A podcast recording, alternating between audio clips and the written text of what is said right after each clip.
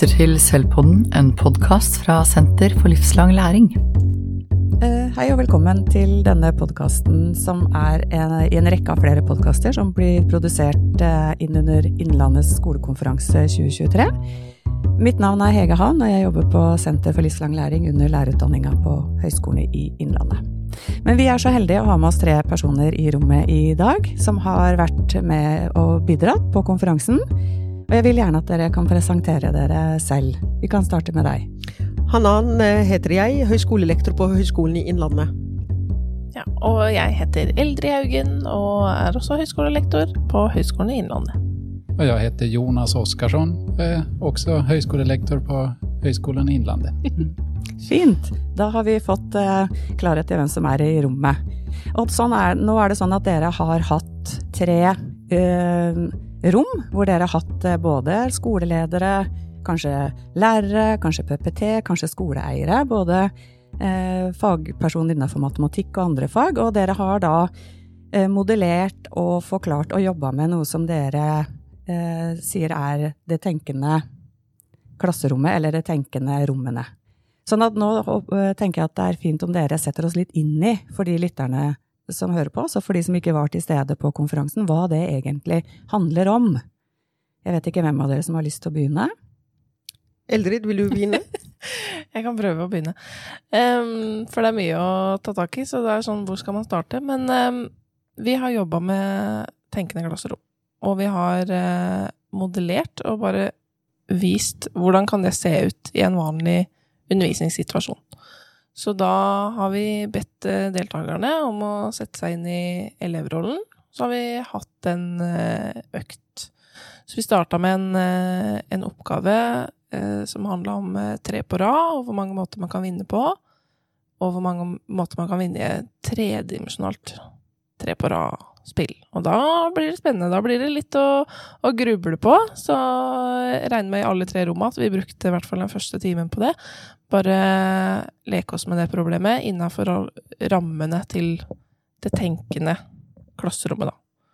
Så hvis jeg skal prøve å forklare hvordan det så ut, det man ser først i et uh, tenkende klasserom på denne måten, det er det at alle deltakerne står rundt i rommet og skriver på noen sånne tavler som vi har hatt med oss, som er festa på veggen med statisk elektrisitet. Er sånne whiteboard-ark.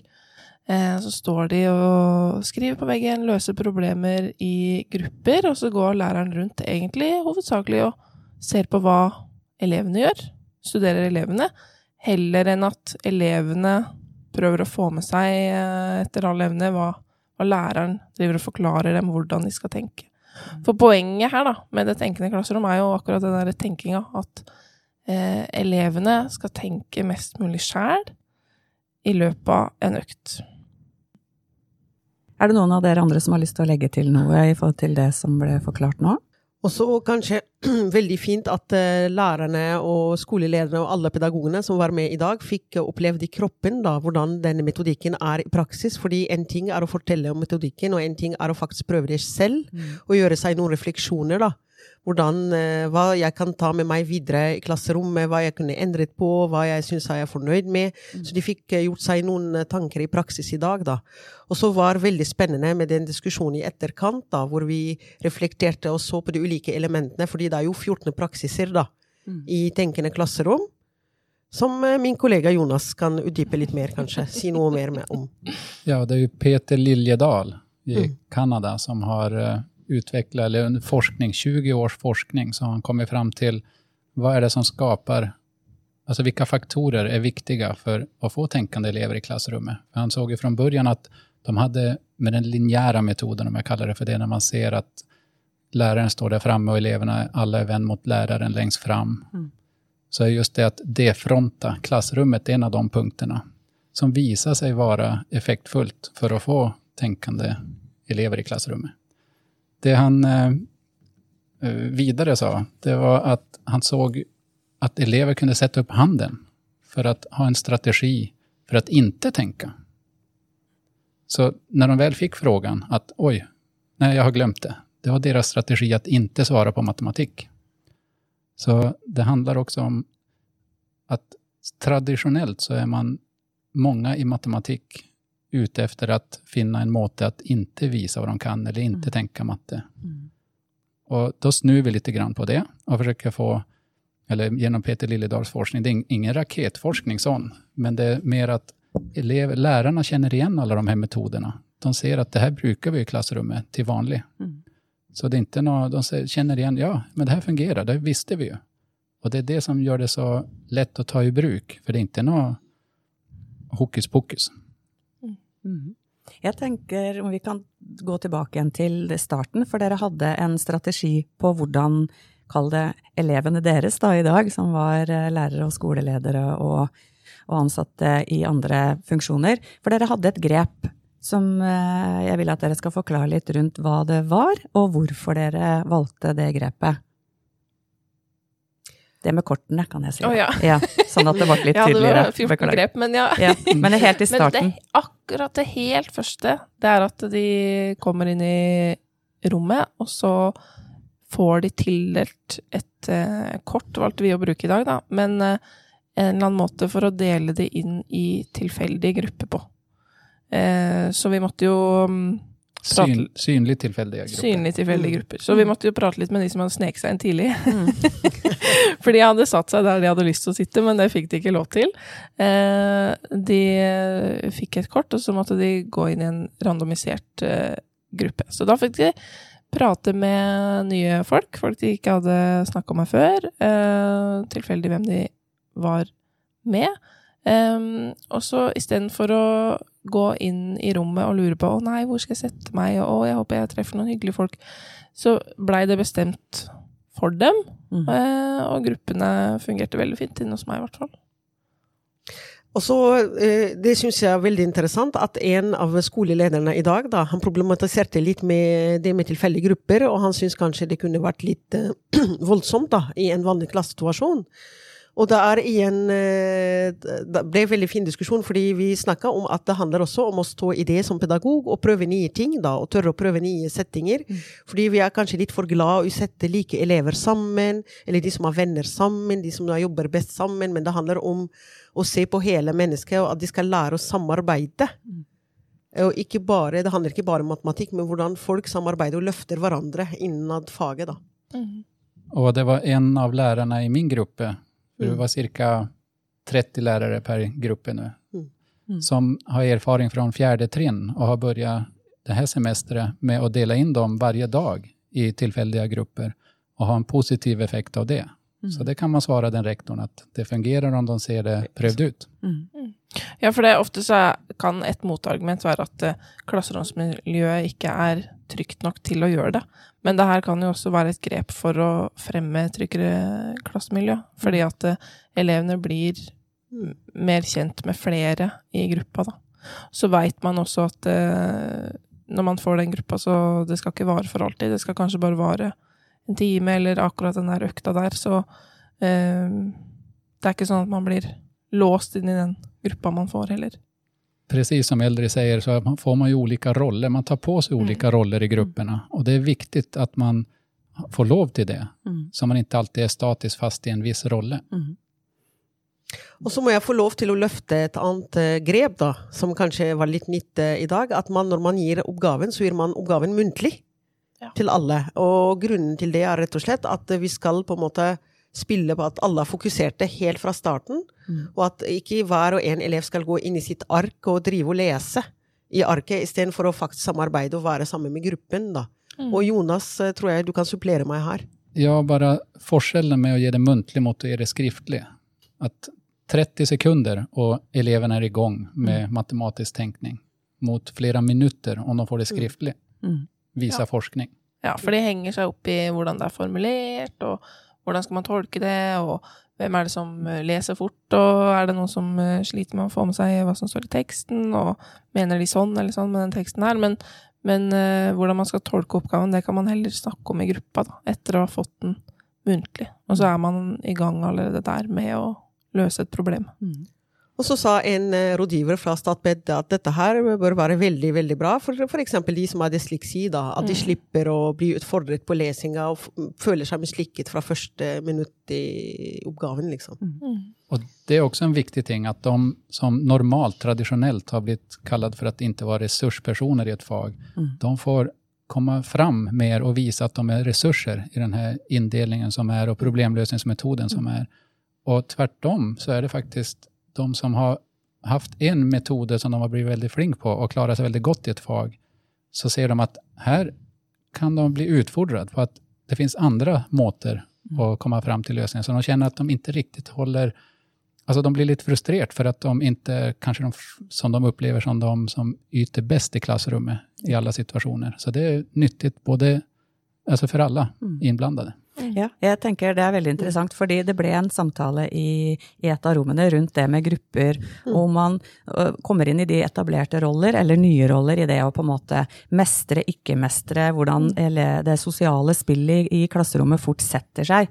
Så at jeg opplevde jo at denne, argument, eller denne metoden utfordrer det, at disse sosiale strukturer, samlingsstrukturer, høy, lav måloppnåelse, sterk, svak, alle disse begrepene som egentlig ikke har noe der å gjøre, blir litt sånn pulverisert, da. Ja. ja, for det, hvis vi har eh, nivåbevisst eh, gruppeinndeling, så eh, har læreren allerede satt deg i en eller annen bås. Du er plassert i denne gruppa fordi at du har den og den egenskapen.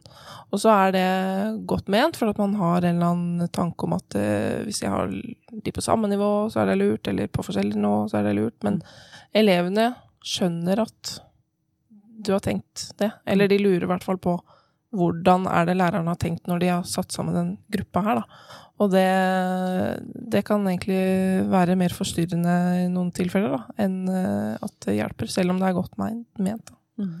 Fordi som Eldrid sier, da, det handler mer om inkludering, eh, og det er noe som vår læreplan løfter, da, og det med fellesskapende didaktikk, da. Og det, er, det ser vi. eh, Hvis vi ser på de foredragene vi har sett i går, da, så det matcher veldig med det, de verdiene vi har hørt om i går. Og så vil jeg løfte en tredje grep da, som er veldig viktig.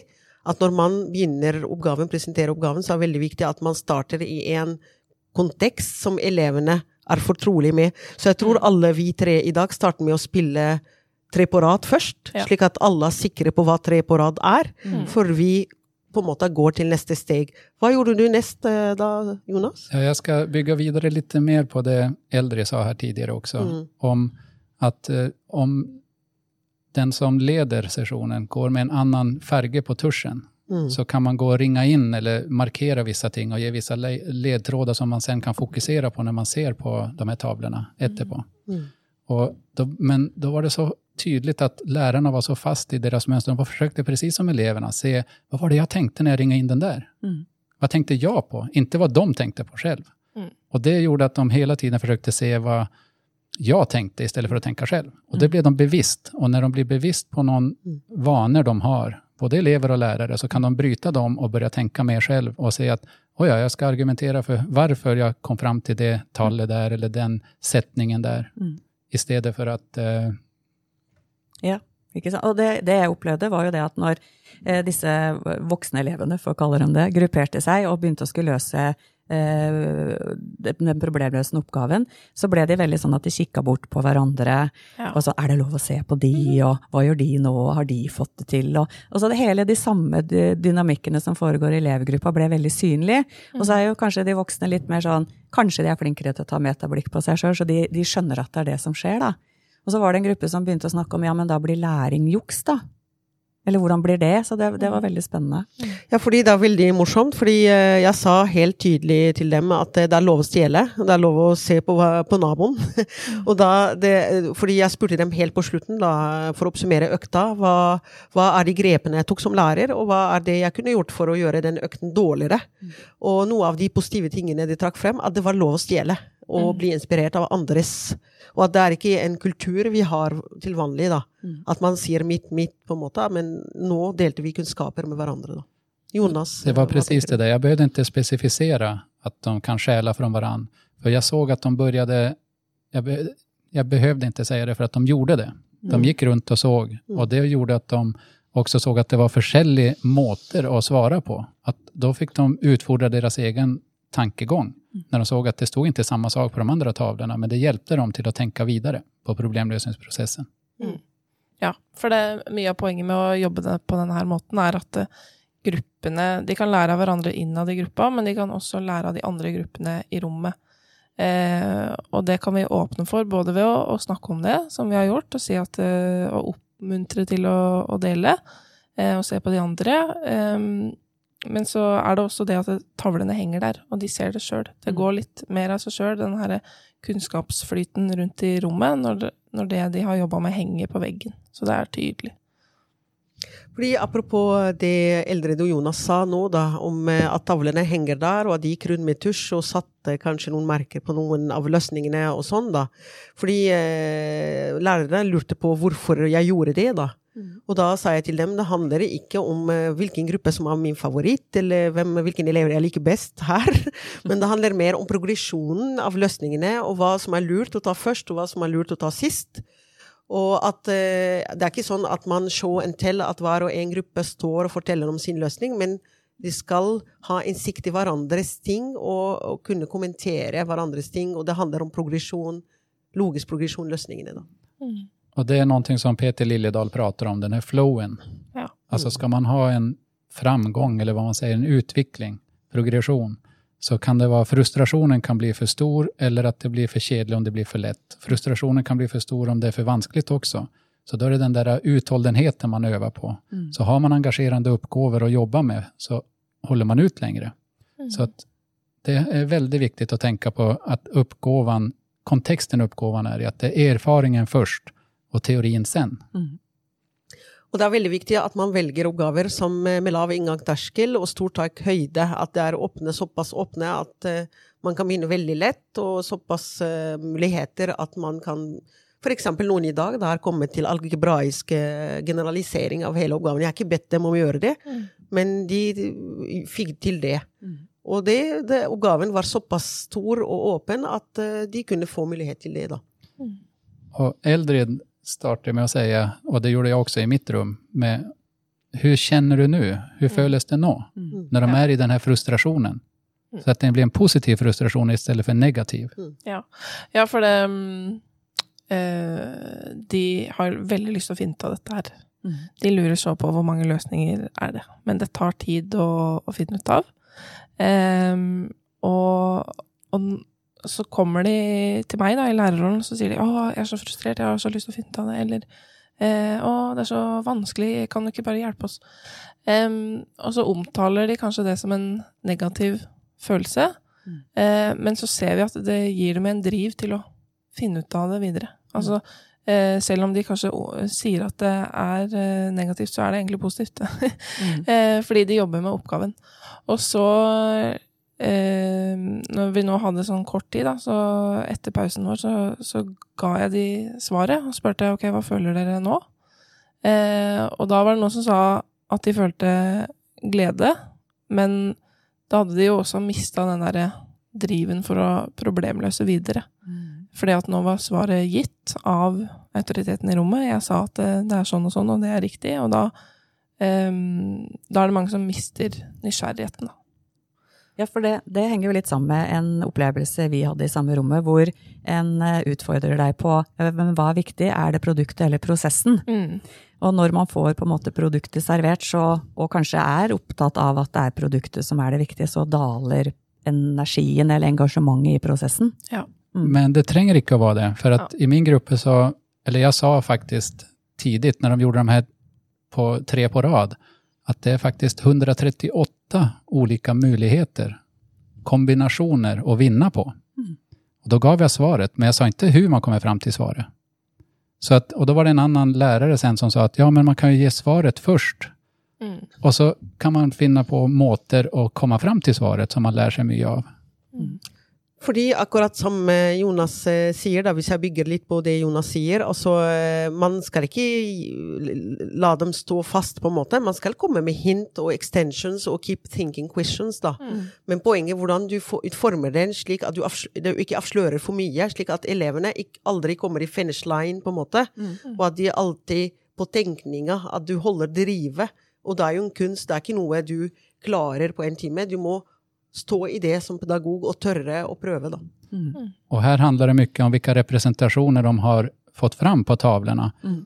Så når, i den første enklere oppgaven, om man kaller det for det, når det er tre på rad, Mm. så lät vi dem komme med løsningsforslag på tavlan Og da velger vi, väljer vi ut de som bare hadde tenkt. Altså, hva forklarer det for de andre? Kan de andre gruppene forklare hvordan de der har tenkt? Mm.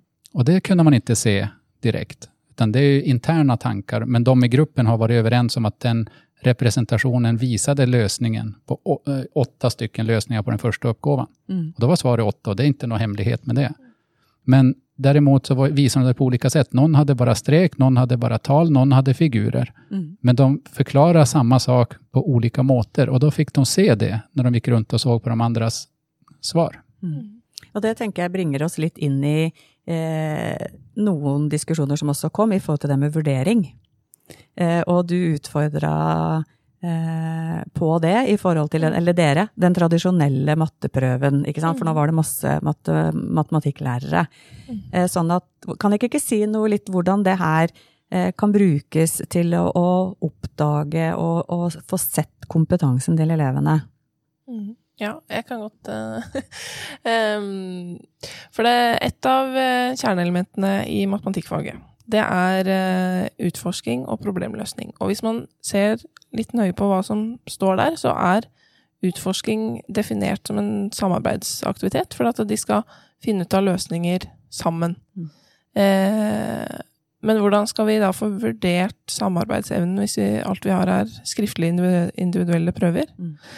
Ehm, så mm, det er ett perspektiv da, på hvorfor uh, uh, i denne metoden så kan man også ta inn og vurdere samarbeidet på gruppa. Og da er det ganske sånn, noen sånne tydelige tegn man kan se etter. Uh, lytter de til hverandre? Er det noen som alltid skriver? Klarer de å være positive til hverandres ideer? Eller er de for enspora på, på sin idé og ikke inkluderer de andre i gruppa? Eh, Så man kan på en måte tenke at man trekker inn litt sånn fair play-element Mm. inn i matematikkfaget. Eh, og så kan man, hvis man bruker dette her over tid, da, så er det fint mulig å, å systematisk velge seg ut noen som man observerer per økt, og så ta det med også inn i ikke bare lærerens vurdering av elevene, men også elevens eh, vurdering av seg selv. Da. Og så har vi alle sammen som har vært lærere på skolen, da, kjent på forskjellen mellom eh, skriftlig eksamen og muntlig eksamen, eh, hvor elevene får litt mer opp på en oppgave og skal på en måte gjøre ting sjøl, at det pleier alltid å gå mye bedre. Fordi de får vist sin kompetanse. Fordi i en sånn setting så er du ut etter det elevene kan. Men i skriftlig eksamen så det er ikke lett å se hele kompetansen da, til elevene i matematikk. Och det handler om hvor er man og hvor skal man. Mm. Så det, istället, det blir dynamiskt och eleven kan själv se bättre och placera sig själv på en sånn dynamisk skala var de är. Om de inte har de här fasta båsen eller facken att vara inne i, som ofta kompetansemålene blir för statisk. Då får de en stämpel på var de är, statisk, istället för att var är vi och vart ska vi? Men der handler jo òg litt om de der normene som vi har i, i klasserommet. For eh, overskriften til Lilledal på dette her, da, det er 'evaluate what you value'. Altså når læreren trekker fram at ok, nå skal jeg vurdere eh, samarbeidsevnen, så kommuniserer du også indirekte at det er veldig viktig for eh, faget. Og jeg tenker at det er noe av eh, hovedpoenget her. Og å løfte fram samarbeid som eh, arbeidsform i matematikkfaget, og trekke fram det at vi, vi lærer veldig godt sammen eh, og av hverandre.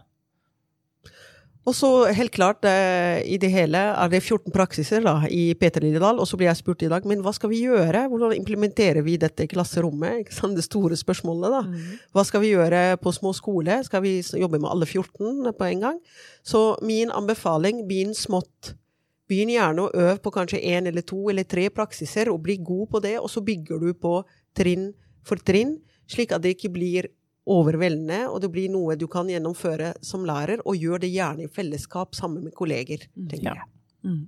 Bare å se de to første, eller første behøver det være, vara, Mm. men å ta noe randomisert i grupper, synlig, og ha muntlig, Så kan de velge hva det er. og det, en av, jeg utfordret dem i olika fag, hva de skulle si i min gruppe, hvordan de kan bruke det her. Mm. Og Da var det en som kom fram sist der med samfunnsfag, og sa en kart, ha olika färger på kartet. Vad representerar det? Och han var, hade svårt att se hur han kunde få den här flowen då, med hjälp av det. Men han får ju en massa inspiration av hur tolkar de andra grupperna det då? De här färgerna på ett kart. Vad står de för? Och då kan man koppla in, sam, inte bara samfundsfag, men alla fag egentligen. Så kan kanskje Eldrid oppsummere, da. Hva tenker du? Hva, hva skal vi si siste ord til lærerne nå? Ikke vær redd for å prøve, og riste litt i de normene som eh, kanskje er litt fastlåst i eh, klasserommet. Og la elevene prøve litt sjæl før du um, Ikke si hva som Ja. er rett og fel. Ja, ikke si hva Altså, la de prøve sjøl. Ja, la de, what you value. ja, la de tenke sjæl. Fint. Da tenker jeg at vi er ved veis ende. Takk for en eh, interessant og spennende samtale. Tusen takk. Det var veldig hyggelig å være her. Tusen takk for at vi fikk lov til å komme. Takk, det var veldig hyggelig, og vi lærte oss mye på det her også. Ja. Hvis du ble nysgjerrig på hvor eh, denne samtalen har blitt forankra i Liljedal sin teorier, så kommer vi til å legge ut en lenke hvor dere kan finne mer informasjon. Mm-hmm.